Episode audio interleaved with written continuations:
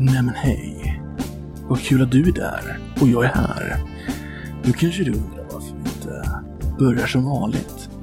Jo, det är så att vi har en liten specialare på gången. Berke luring för öronen. Det är nämligen så att vi spelar in alldeles för länge med Van så vi har valt att dela upp det i två delar. Nu hade vi turen att vi hade så extremt eh, många frågor att vi valde att ta ett särskilt frågeavsnitt först. Det är nämligen den ni kommer få lyssna på idag. Detta är alltså den första delen av två av del tre om andra världskriget. Mycket lyssning, mycket nöje. Ha det gött. Hej! Hej Olle! Hej! Är du taggad på? Ja, om ni trodde ni hade fått för mycket av andra världskriget så, så ska ni veta nej, nu kommer det ännu mer. Och, och, det är ungefär vad tyskarna sa när Sovjet anföll 1944. Ja, precis. hur, hur alla polacker kände sig. Mm, precis. Du Adler, Det är jag. jag tänkte att vi skulle börja med en sju helsikes massa frågor som har kommit in till vår podd. Mm, det låter utmärkt tycker jag. Du är taggad på det? Mm. Ska vi se här om jag hittar den första. Oj, den här, den här var lite stor, men du kanske är beredd på stort från början? Eller? Ja, jag är alltid Ja, redo för hårt. det vet du. Ja, som din mamma. Ja, precis. En liten uppläggning där kanske. Alltså, det var ju... Smash! Mm. Varsågod. Ja, det är en eh, trogen lyssnare som vill ha en liten genomgång av vinterkriget. Mm. Tycker han skulle vara intressant. Och vad är vinterkriget kan vi på, på Ja. säga. Vi gick igenom vinterkriget lite grann i första avsnittet, men vi kan ta lite mer, eh, i, mer i detalj på vinterkriget. Mm. Eh, alltså, tyskarna och sovjeterna, det är VJ som skickar in den här frågan. Hej VJ och tack för frågan. Eh, så eh, Sovjet och Tyskland skrev på Molotov-Ribbentrop-pakten Eh, hade ju då det hemliga tilläggsprotokollet där de delade upp Östeuropa i olika intressezoner och Finland hamnade i den sovjetiska intressezonen. Och följaktligen så bestämde sig Stalin för att nu är det dags att ta Finland.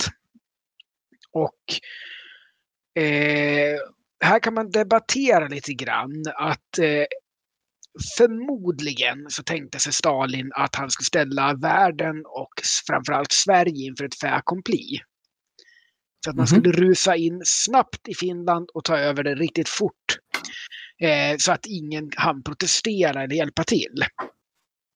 För Sverige och Finland hade varit i samtal om gemensamma försvarsplaner och så vidare på 30-talet och det visste ju sovjeterna. Och visste ju om de nära banden mellan Sverige och Finland och anade att kanske kommer Sverige hjälpa Finland om fin- vi anfaller Finland. Så det gällde att ta Finland fort. Så därför satte man in de här tunga mekaniserade förbanden som skulle rusa djupt in och i norra Finland så hittades ju döda sovjetiska officerare med kartor med den svenska gränsen tydligt utmärkt. Och alltså Mhm. Drakenbröderna, alltså korsa inte över det här. Så att, eh, och eh, man bedrev ju först förhandlingar då där eh, Finland skulle avstå eh, delar på Karelen som innehöll deras försvarsinstallationer och Mannerheimlinjen och få lite annat terräng norr om Ladoga i kompensation. Och så skulle Sovjet också få Hangö utanför Helsingfors, en halvö, och ha som flott och marinbas. Mhm. Och eh, finnarna insåg väl att det här var ju egentligen bara första steget på en ockupation. För att dels skulle Sovjet ha en bas med trupper djupt inom deras territorium på Hangö. Dels så skulle Finlands främsta försvarslinje vara i sovjetiska Mm. händer. Så de sa helt enkelt nej. Och det finns ju mycket legender kring de här äh, diskussionerna som fördes i Moskva och eh, finnarna var ju väldigt obstinata och sovjeterna blev väldigt arga för att finnarna var så obstinata. Eh, och vid, vid ett tillfälle så ska Stalin själv har blandats i, och det här är ju en myt förstås, men det är fortfarande en bra historia. Stalin själv ska ha blandats i förhandlingarna och kommit in, eh, lyft en telefon, ringt och lagt på den och så hade finnarna frågat "Vad- gjorde du nu? Jo då, jag beordrade en fördubbling av trupperna i Leningrads militärdistrikt. Oj då, sa eh, finnarna, för Så, att nu är de 400 000 man, dubbelt så många som er armé. Eh, och eh, då de finska representanterna bad att få låna en telefon och ringde och pratade med finskaren där och så frågade Stalin Ja, ja, har ni pratat med regeringen? Nej, nej, vi bad Mannerheim distribuera en kula till till varje finsk soldat. Oh. Det är med eh, ni- 99,99 procent sanning till en myt, men det är eh, fortfarande en bra historia. Mycket bra historia. Eh, Så, men ja, finnarna sa nej. Och då satte ju Sovjet upp en marionettregering under Otto Villekuusinen för att efter finska inbördeskriget 1918 hade ju de överlevande finska kommunisterna flytt österut. Mhm. Eh, Och eh, ett tag var de ju då prominenta politruker i Karelens Sovjetrepublik. Och så sen bestämde sig Stalin för att alla gamla kommunister var emot honom och skulle dö. Och många av de finska kommunisterna hamnade i Gulag eller blev skjutna. Men man grävde ju fram då ett gäng finska kommunister som man fortfarande hade kvar. En del ur Gulag och satte upp en marionettregering då i eh, badorten Terjoki som ligger i Finska viken. För den enda, eh, första byn man erövrade, så det kallas Terjoki-regeringen. Mm. Och eh, slöt ett avtal med den där och när Finland ville förhandla så sa man nej, vi har redan förhandlat med Finlands enda lagliga regering. Vilket också sa Mm. att, eh, till Finland att det här var avsett för fullständig ockupation. Man tänkte inte acceptera något annat än en kommunistisk lydregering. Vilket också fick då finnarna att slåss så mycket hårdare. Så det var kanske ett strategiskt misstag. Och de här, eh, när Terjoki-regeringen hade inte så mycket kontakt med verkligheten. Man satte ju upp en brigad då med trupper av exilfinska kommunister och lite karelare och sådär. Men man vågade inte sätta in dem i strid för de skulle behöva sen för att kontrollera det finska samhället. Så de satt i den där badorten och gjorde ingenting under hela vinterkriget. Men regeringen då proklamerade bland annat åtta timmars arbetsdag som Finland hade haft sedan 1920. Det var ju välvilligt av dem. Ja, precis. Alltså 19 år senare. Så att nu ska ni äntligen få Varsågod. åtta timmars arbetsdag. Ja. Som, som sagt, eh, de var ju ny, nyutdragna från Gulag och en hel del var de ganska försupna. Så att det var inte mycket bevänt med det där. Eh, och eh, när... Eh, så, så man känner ju till det här, alltså finnarna använde ju måttlig taktik då och skar av de här tunga mekaniserade förbanden i de finska skogarna. Och höll Mannerheimlinjen väldigt väl. Och den sovjetiska armén var ju riktigt jävla genomusel på den här tiden. Mhm. Alltså, utrensning hade ju gjort att man hade inte dödat så många officerare på lägre nivåer. Det var så här 10-20 procent av överstarna som gick åt. Och lägre nivåer än det var det nästan ingen. Men det var ju så att ingen gjorde någonting utan order. När man har sett liksom divisionsgeneralen och uppåt bli vägdragna och skjutna. Då sitter du still i båten. Du tar inte Mm. riktigt egna initiativ. Så att Röda armén frös i en inaktivitet och obeslutsamhet. De gjorde ingenting utan beslutad order. Det är inte jättekonstigt heller i och för sig. Nej, alltså det är en naturlig reaktion på att det här händer. Mm. Och eh, sen ska man inte glömma att Röda armén, alltså Sovjet industrialiserade på mycket, många sätt och väldigt bra under mellankrigstiden, men de hade väldigt dålig elektronikindustri. Mm. Så de hade väldigt, väldigt få radioapparater. Eh, och det pratade vi om i förra avsnittet Mm, det. Tidigare, tidigare versioner av Barbarossa, liksom att de hade inga radioapparater i stridsvagnarna så de fick ju gå upp och signalera med flaggor och sådär. Eh, och det var ju ett problem i vinterkriget också. Och fi- finnarna tyckte om att med patruller gå in på skidor på nätterna och kapa de sovjetiska radio och telegraf och telefonledningarna som de drog upp för kommunikation. Får jag, får jag ställa en snabb fråga bara? Ehm, i Carl Hagelin och den här Hagelin-skrivaren eller vad den kallades för som, som amerikanerna hade under kriget, alltså en liten kryptomaskin. Mm. Hade ryssarna någonting åt det hållet? Eh, ja, problemet var ju att de ofta var ganska, eh, alltså de hade ganska få sådana. Och eh, mycket av kodningen var manuell och därmed var koderna betydligt enklare att knäcka. Mm. Och eh, finnarna var väldigt bra på att knäcka sovjeternas koder genom hela kriget. Okej. Och det kommer vi komma till i det här avsnittet. Vi kommer prata lite grann om Operation Stella Polaris. Ah, just det. Den ja. Mm. Precis. Eh, men det, det kommer vi till. Eh, men under vinterkriget i alla fall så finnarna höll ju ut och fick ju mycket stöd bland annat från Sverige. Eh, men i mars då, då, då började det att armén höll ju på att kollapsa. Och samtidigt så var ju för Stalin började det se ut som hans mardröm skulle bli sann. För Stalin var ju, eh, som utrikespolitiker ska man inte glömma att Stalin var en försiktig opportunist. Eh, han gjorde ingenting han inte var helt säker på utrikespolitiskt. Och eh, vinterkriget var ju en, en fruktansvärd missräkning. Tanken var ju att medan Tyskland tog Polen och sen gav sig på Frankrike skulle han plocka de här grejerna i, i Östeuropa. Det hade funkat med östra Polen och Bessarabien i Rumänien och Estland, Lettland, Litauen. Men finnarna de sa ju nej. Och så gick det ju så dåligt att ta det så att Finland fick världens sympatier. Och så stod ju britterna och fransmännen och tyskarna och krigade inte i, i låtsaskriget längs gränsen. Så för Stalin såg det ut som, för att hans värsta mardröm var ju att eh, de allierade och tyskarna skulle gå ihop för att krossa kommunismen. Det var ju det han var rädd för genom Mm. hela tiden. Eh, och han var även rädd för att tyskarna och de allierade skulle sluta separatfred under kriget och vända sig mot honom. Mm. Eh, paranoid. Eh, och då är det ett helt naturligt sätt att tänka tydligen. Och eh, problemet för honom var att ja, han skulle plocka Finland lite snabbt medan de var upptagna, men de slogs ju inte med varandra och hela världen tittade på vad han gjorde mot Finland och hur dåligt det gick. Och det strömmade stöd till Finland så att fast finnarna var på gränsen till att kollapsa eh, så var Stalin villig, villig att sluta fred. Okej. Delvis därför att han var rädd för, för att då hade ju britterna börjat prata om, och fransmännen börjat prata om att de skulle landstiga i Narvik och skicka 50 000 man till Finland.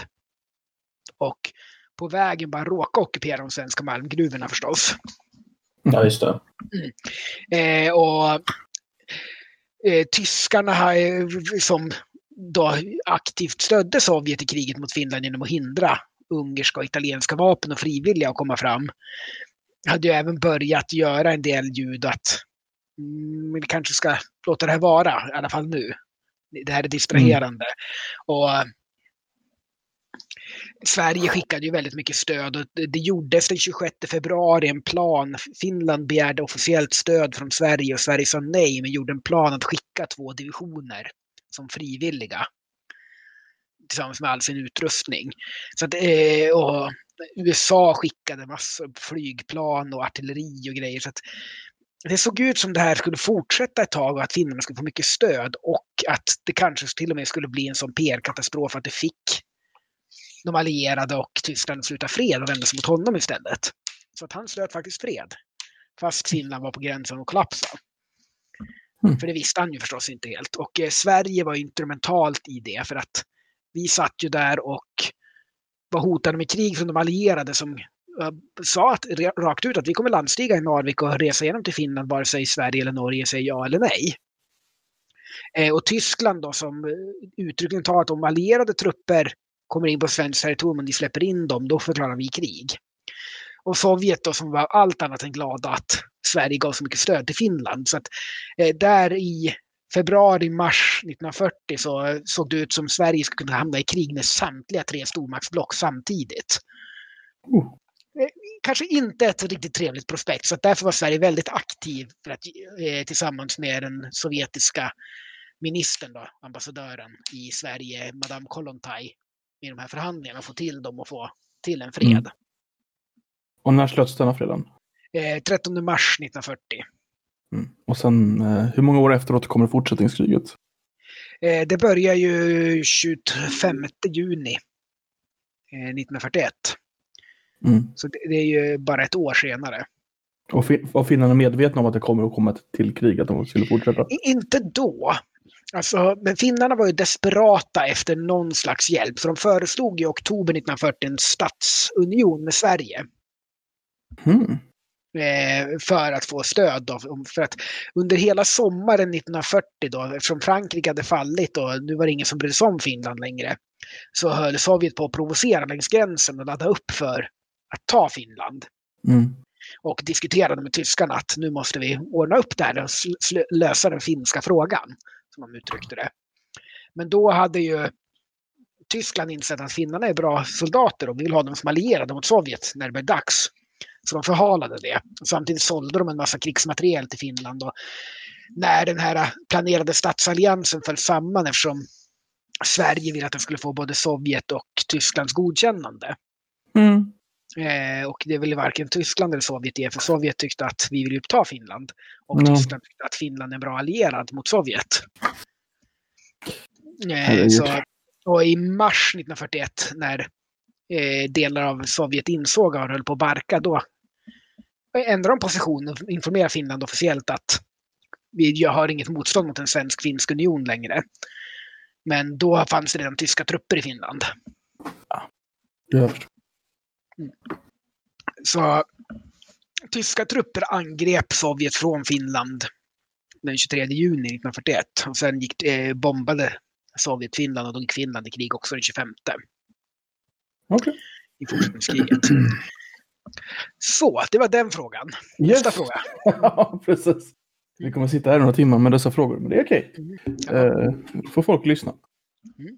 Eh, nästa fråga kommer från eh, Skogsmål faktiskt. Mm.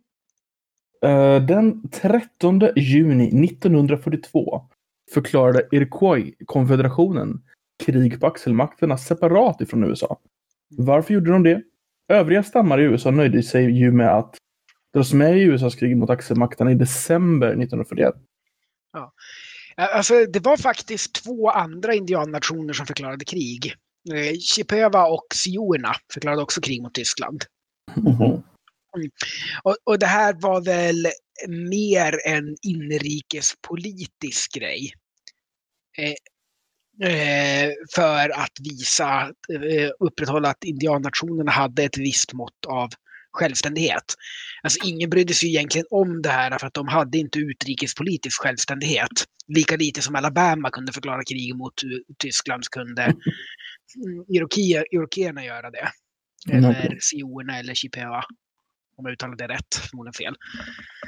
Eh, så att, men eh, amerikanska native americans, vad är den svenska termen för det?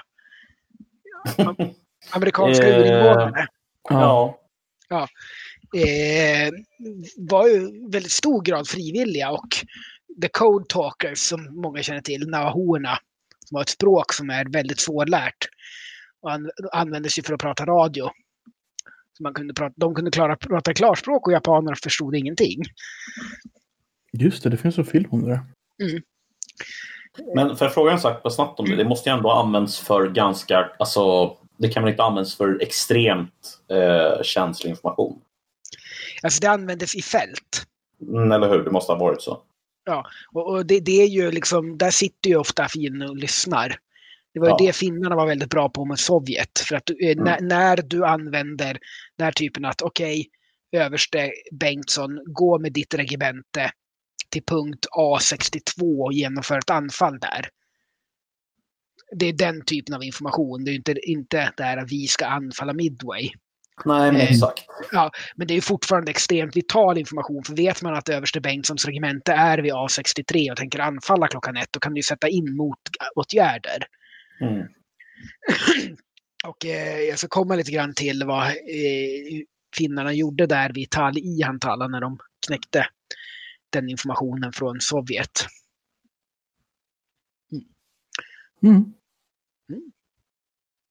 Tror du han är nöjd med det svaret? Vi får hoppas, annars får de ställa fler frågor. ja.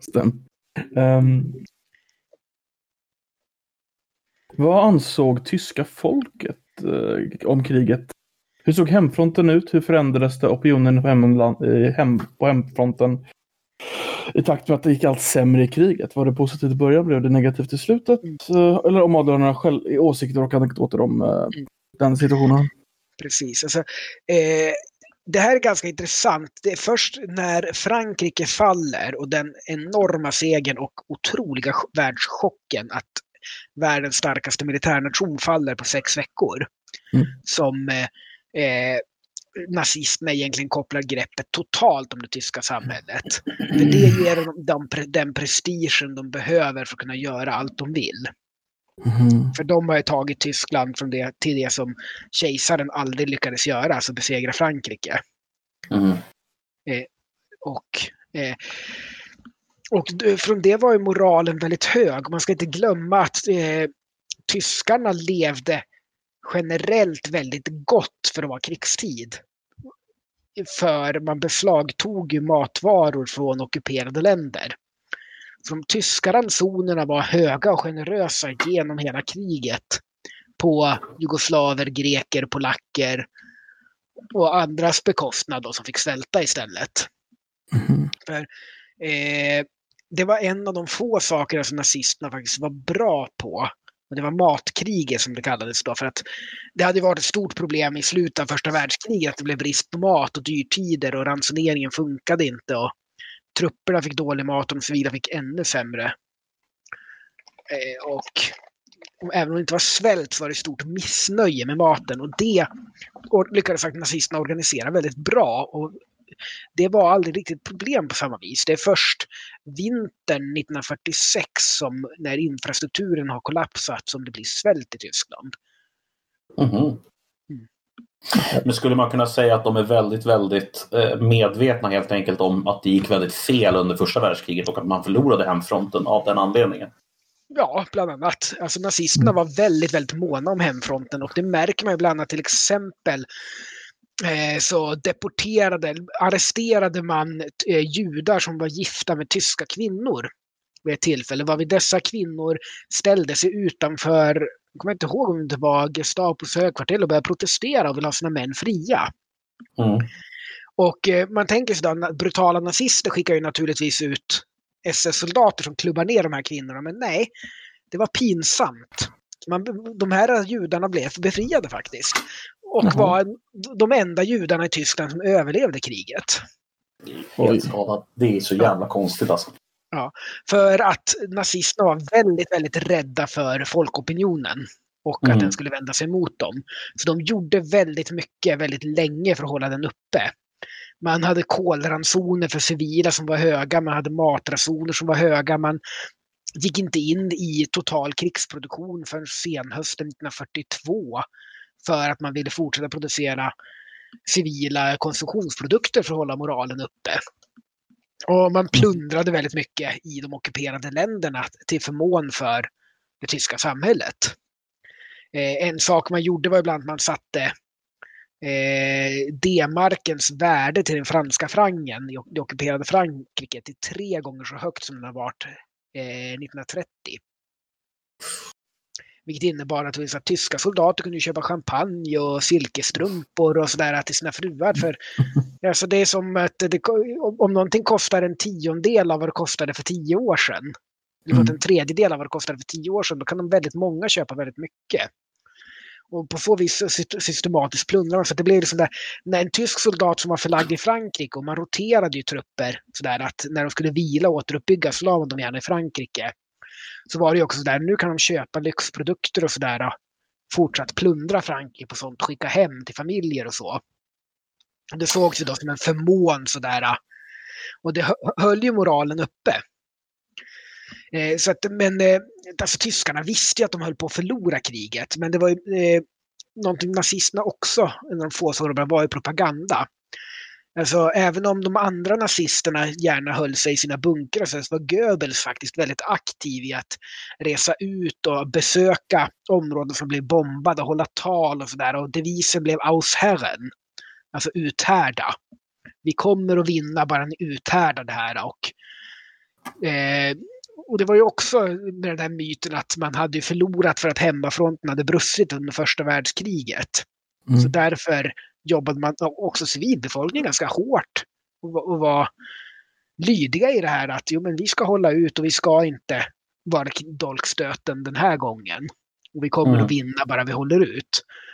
Så sen eh, hade ju berlinarna väldigt bra humor mot slutet av kriget. Bland annat, hurra, äntligen kan man ta spårvagnen mellan öst och västfronten. Mm. Fan. Det är mörk humor alltså. Det Ja. får man ändå ge dem. Ja. Och det fi- finns ett skämt från Nederländerna då, sent 44, tyska trupper som säger att om du ser ett svart plan, då är det Royal Air Force. Om du ser ett vitt plan, då är det US Army Air Force. Om du inte ser några plan alls, då är det Luftwaffe. Mm. Ja. Eh, Så att, men det, det var ju eh, både civilbefolkningen och soldaterna i armén och sådär klamrar sig fast vid de hopp och de segrar de hade. Och det som hände, Mm. hopp om att ja, men nu vänder det eller nu stoppar vi upp dem. Och, eh, det blev ju en slags masspsykos att ja, men, man klamrar sig fast vid minsta lilla halmstrå. Och så håller man det och så fortsätter man att försöka.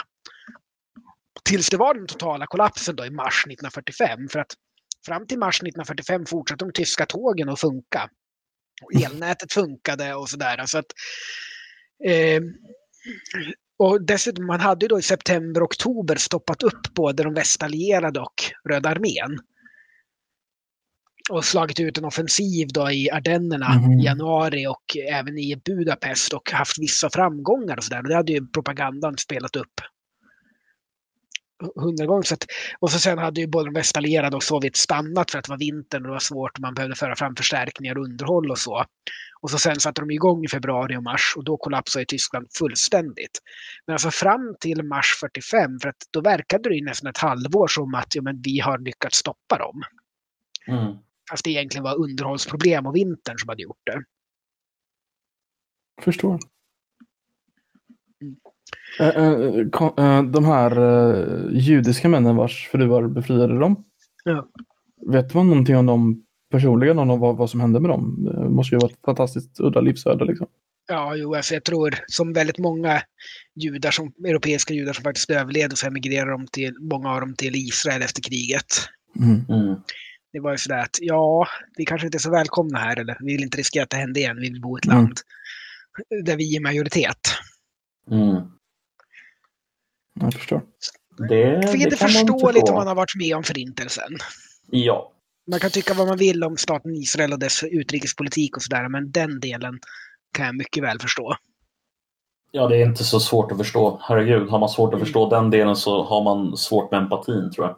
Ja, precis. Ehm, så att ja. Ska vi Men- eh, gå på nästa fråga eller vill du säga något mer om Ja. det? Jag känner mig klar om inte ni har några följdfrågor. Nej, jag kan bara säga snabbt att jag, jag lyssnade på en väldigt intressant podcast och eh, det var precis det du beskrev med, med Frankrike och priserna skedde med amerikaner och eh, Östtyskland eh, mot slutet av kalla kriget. Eh, det var lite kul. Men det fanns inget att köpa i Östtyskland. Nej, Så det, det var problemet. I Frankrike fanns det ganska mycket grejer att köpa. Och man, man ska inte glömma heller att 40-tal, 30 och 40-talets samhälle har mycket, mycket större reserver. Så Mm. det, det är inte det här äh, insta, att man har inga lager och eh, eh, liksom beställning till leverans.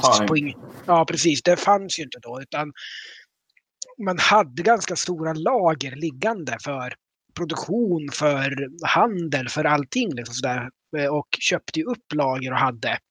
Mm. Och det gjorde ju att det fanns ju saker att köpa ganska länge. Det är liksom, vinkällarna var ju stora och låg vin på lagring liksom. ja. Mm. Nej, alltså det, det, det jag reagerade mest över det var att amerikanernas, eh, alltså de högre officerarna förbjöd eh, de meniga mer eller mindre från att eh, åka in och köpa saker i Östtyskland för att det var så, det var så enorm skillnad så de kunde köpa upp egentligen allt i en affär utan problem. Ja.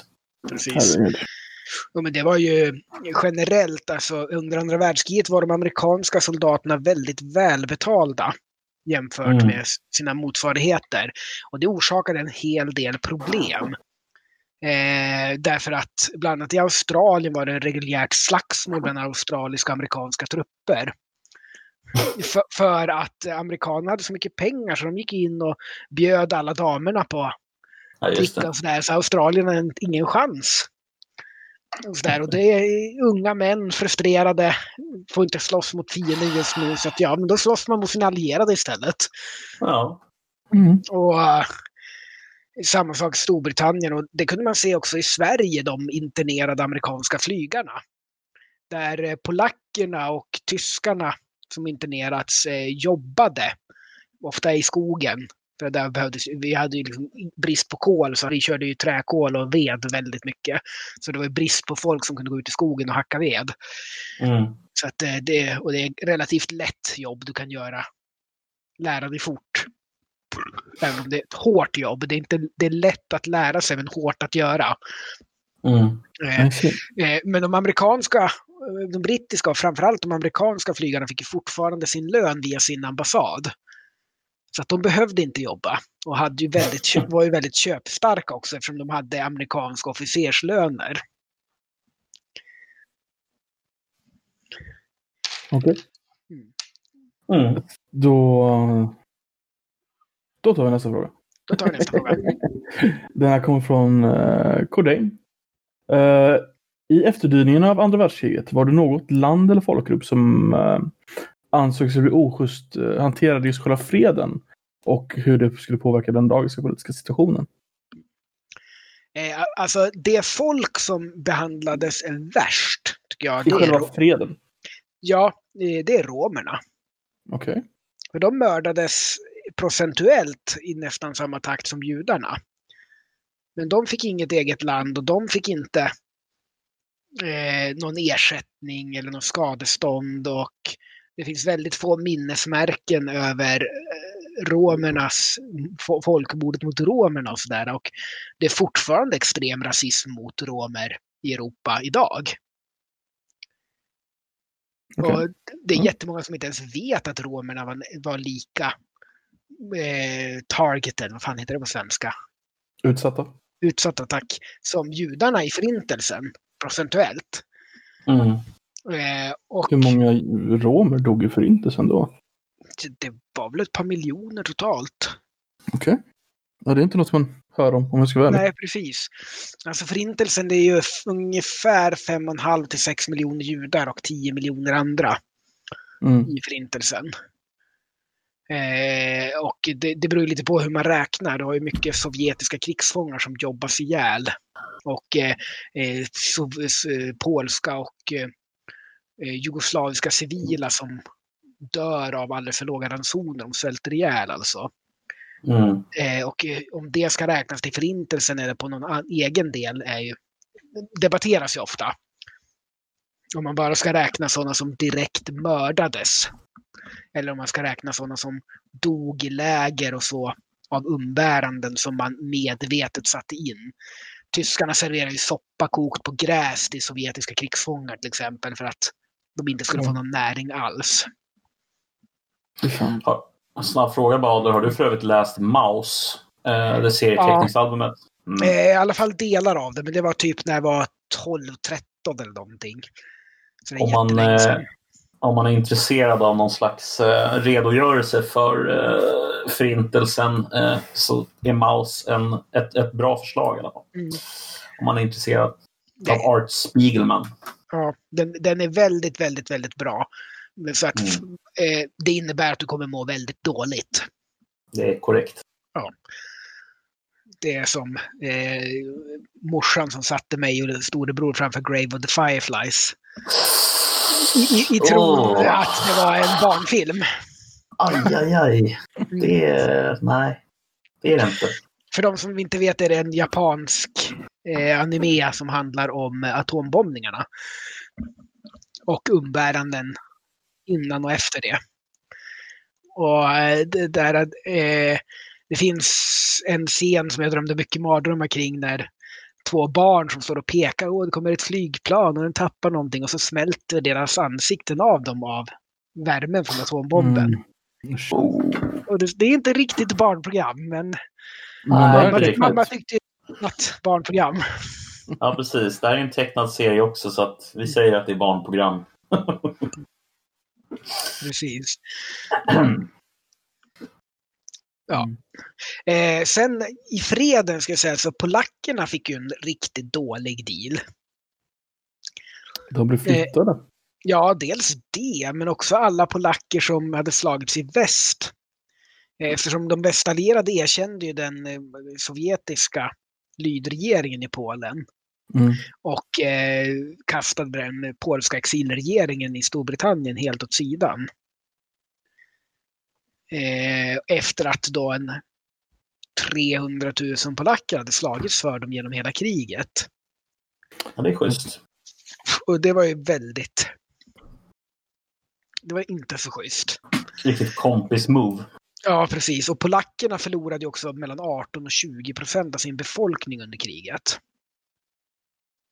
Eh, För att tyskarna alltså, svalt ihjäl så många och mördade och hade sig.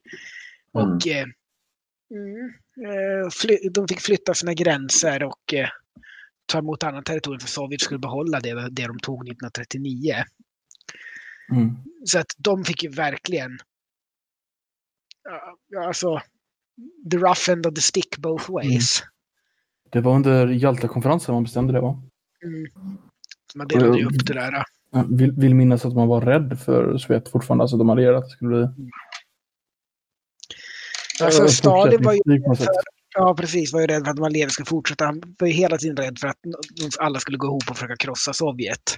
Mm. Det var också därför han behöll en guldreserv som var absurt stor. Eh, Men jag, jag, tänk, jag tänkte mer tvärtom, att de, de allierade var rädda för att Sovjet skulle fortsätta in i resten av Ja, Västeuropa. ah, nej, inte så Eftersom de, mycket. gav, De, eftersom de gav Sovjet så mycket i den konferensen. nej, de gav ju Sovjet så mycket för att Sovjet hade det ju redan. Mm.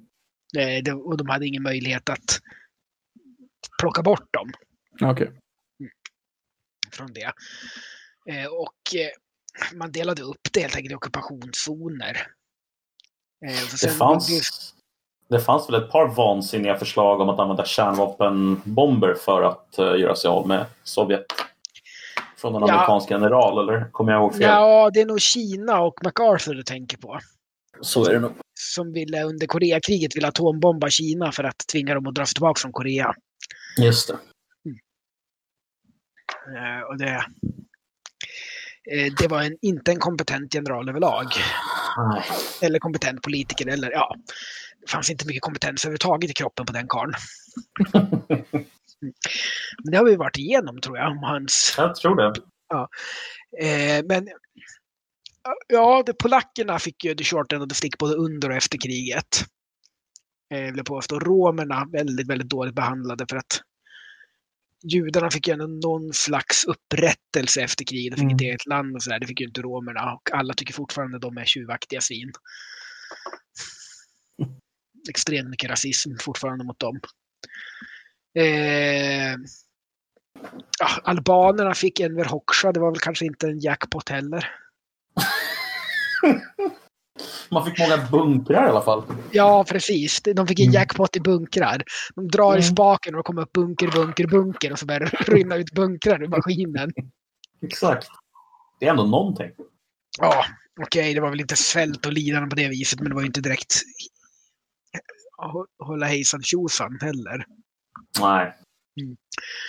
Eh, sen eh, bulgarerna kanske, alltså, de hade ju ändå vägrat att förklara krig mot Sovjet, för de ansågs som historiska vänner till Ryssland. Eh, och tyckte att när eh, sovjetiska trupper kom att hej, trevligt, och så bara invader, blir de invaderade och, och omkullkörda på ett par dagar. Eh, och en ny regering installerad då, mycket kommunistisk och fin. Eh, Så det var väl lite sådär, men det var väl dumt att tro att man kunde varit med i axelmakten och uppdelningen av Balkan. Och så sen Mm. att det här kan väl vi få behålla nu när Sovjet kommer. Mm, nej, Inte mycket va? nej precis. Får man, får man fråga om du anser att tyskarna blev rätt behandlade? Trots att de Alltså- var diktatorn? Du kan argumentera kring fördrivningen av tyskar från Östeuropa och framförallt från Tjeckien. Mm. Men eh, samtidigt, alltså Tyskland hade ju använt de här minoriteterna som en anledning att annexera territorium och gå i krig. Eh, Det Mm. var ju liksom nu, num, anledning nummer ett som Hitler använde liksom. Och de hade ju beredvilligt eh, lyssnat på den tyska propagandan och även försökt i vissa fall. Alltså Heimer Danzig och eh, eh upprorsmän i Sudettyskland och sådär. Så att, ja, men det är inte schysst, men jämfört med vad tyskarna gjorde i övrigt så var det faktiskt bara en fördrivning, inte ett mord. Även mm. det självklart dog en hel del för de blev fördrivna på vintern. Ja. Jag tänker, eh, alltså Stig Dagermans Tysk höst är ju rätt intressant. Om tyskarnas, eh, hur de hade det eh, efter kriget där. Mm. Det... Precis, men samtidigt, alltså de hade ju levt, jag ska inte kalla det loppan för det är fort ransonerat och sådär, men de hade ju inte lidit de umbäranden som de ockuperade folken fick för att tyskarna medvetet utsatte de ockuperade folken för mer umbäranden för att deras eget folk inte skulle behöva ta, ta det. Och det är självklart det är kollektiv bestraffning och ett folk versus individer och sådär, men ja, jag ska inte säga efter vad de gjorde och hur de använde de här minoritetsgrupperna, de här minoritetsgruppernas relativa beredvillighet att delta i det och alltså leva mycket, mycket bättre än sina polska eller jugoslaviska eller tjeckiska grannar som svalt. Mm. Eh, så eh, ah, förtjänar det, men jag, jag, de har absolut inte behandlat sämre. Alltså de, de, om Sovjeterna hade gjort mot tyskarna som tyskarna gjorde mot sovjeterna, då hade vi kunnat prata någonting. Mm. För jag menar, tyskarna mördar 20 miljoner Sovjetmedborgare. Mm. Eh, och eh, Röda armén våldtog väldigt många kvinnor, de plundrade och de plockade bort mycket industri och sådär och så fördrevs tyskar från eh, Sudettyskland, från Ostpreussen, från Schlesien, från Östpommern. Eh, och från eh, Pomerellen, alltså polska korridoren. Det är, I jämförelse är det relativt milt. Det gör det inte rätt. Jag skulle absolut inte påstå att tyskarna fick den värsta delen av det här. Mm. Nej. Och eh, som eh, Harris, Bomber Harris uttryckte det när eh, brittiska bombplan bombade tyska städer. Ni började Rotterdam, Coventry och London. So the wind reap the whirlwind. ja. What goes around comes around, eller vad säger man? Ja, och det är väl lite tråkigt när det ska drabba folk som faktiskt inte var delaktiga i det. Men ja, det är men så är det. när man pratar nationer och folkgrupper och etniciteter snarare än individer. Ja, det, det är en väldigt kollektivistisk era överhuvudtaget. Absolut.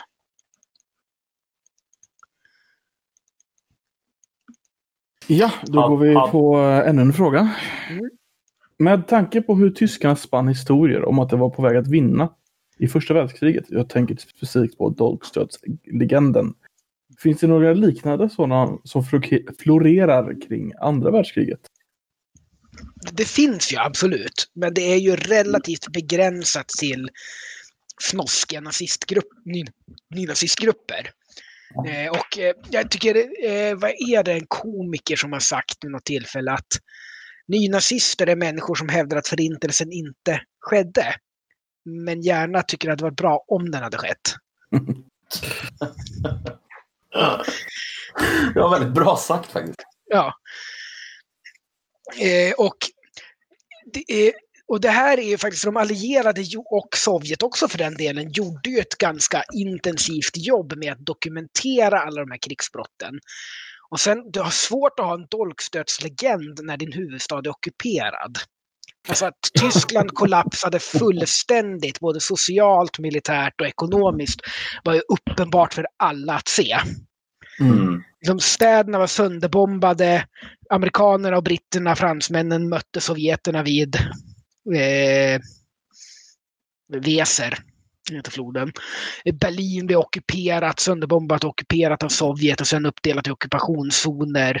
Alltså, i första världskriget marscherade ju trupperna hem från ockuperat territorium. Mm.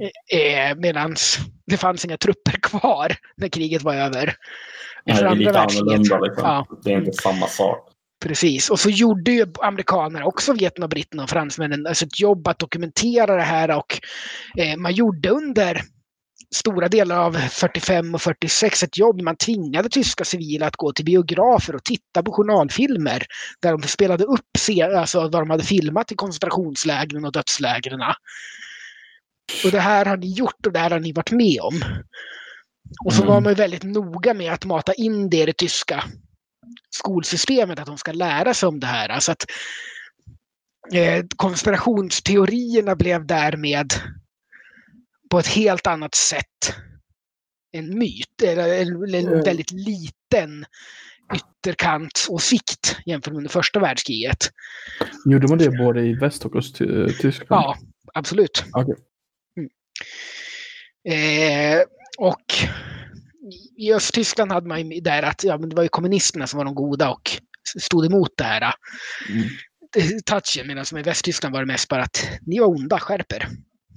Mm. Eh, och det var ju också så att under efter första världskriget hade du personer som Ludendorff som faktiskt hade varit en av de som sa till regeringen att vi, armén kan inte slåss längre. Och som efter freden var en av de första som förde fram dolkstötslegenden och sa att armén var obesegrad och kunde fortsätta slåss. Mm. Eh, och han förtjänar ju en alldeles särskild plats i helvetet om det finns något för det. Eh, för han var en väldigt prominent general, segerrik, väldigt berömd, väldigt stor offentlig personlighet som gör det här. Och några sådana fanns det ju inte riktigt efter andra världskriget. För det fanns ju ingen fri politik i Tyskland efteråt. Nej. För att eh, Västtyskland bildas ju inte förrän 1949. Det var faktiskt porslin som är tillverkat i Tyskland, Västtyskland innan 1949.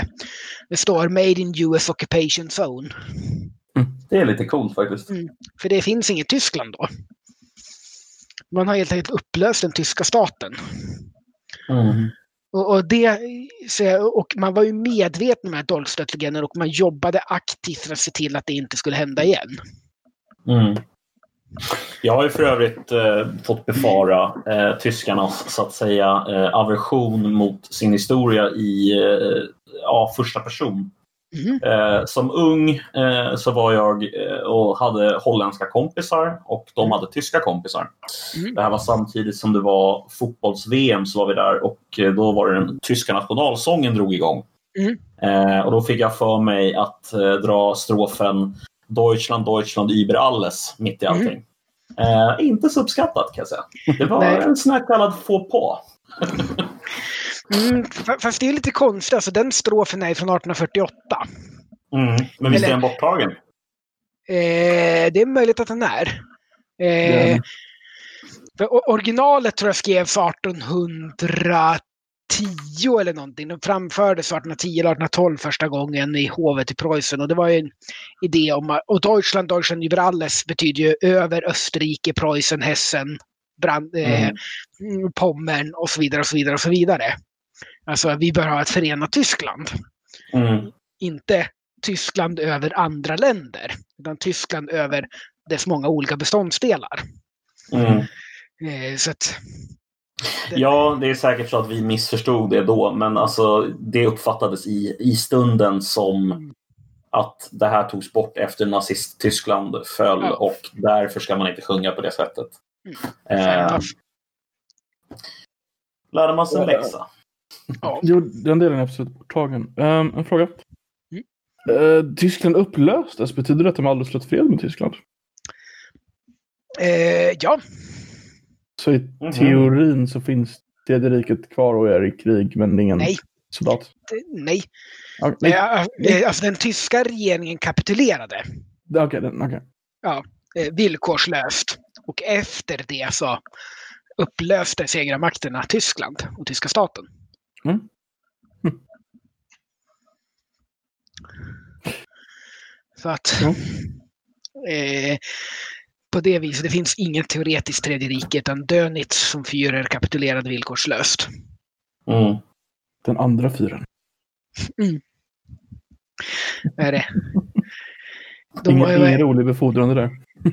Nej, precis. Hörru, kan du ta mitt eh, jobb? Jag, Mm, jag ska skjuta mig här. ja, jag är lite klar med det här nu, men eh, ta över du. Precis. Ja. Försökte Dennis göra någonting förutom att ge upp? Hade han någon plan som han ville genomföra eller någonting? Han försökte ju ett par dagar förhandla.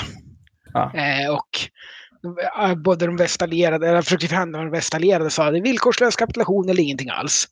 Mm. Eh, och hade väl idén om att hans regering där i Bremen skulle eh, ha någon slags roll att spela i Tyskland efteråt. Det var ungefär som Himmler som också hade en idé om att SS skulle ha en roll att spela i Tyskland efter kapitulationen. Mm. Eh, Det var flera höga nazister som intalade sig själva att de västallierade skulle hamna i krig med Sovjet när som helst och då skulle de behöva tyskarna. Ja, vilket de Nej. allierade tryckte också efter några år. Ja, precis. Ja, men inte SS. Nej, inte SS. och inte dödligt. Eller, det där är inte riktigt sant i och för sig, eller hur? Det är mer så här, inte med SS under namnet SS, men gärna med personerna. Ja, ibland delvis i franska främlingslegionen och sådär, men Ja, inte. precis. Eh, inga svarta uniformer, inga dödskallar. Nej, precis. Inget Mm. sånt. Nej. Vad är det? Mitchell Webb, We the Baddies. Are we the baddies? Ja. Jeff Skalson. ja. Det är väldigt bra. Men det, det är för övrigt snott av de preussiska kungliga dödskalleofficerarna som bildades 1813. Totenkopf. Mm. Ja, uh, trodde dig, men det var den sista frågan. Hur känns Ja. det? Känns bra. Då kan vi börja avsnittet.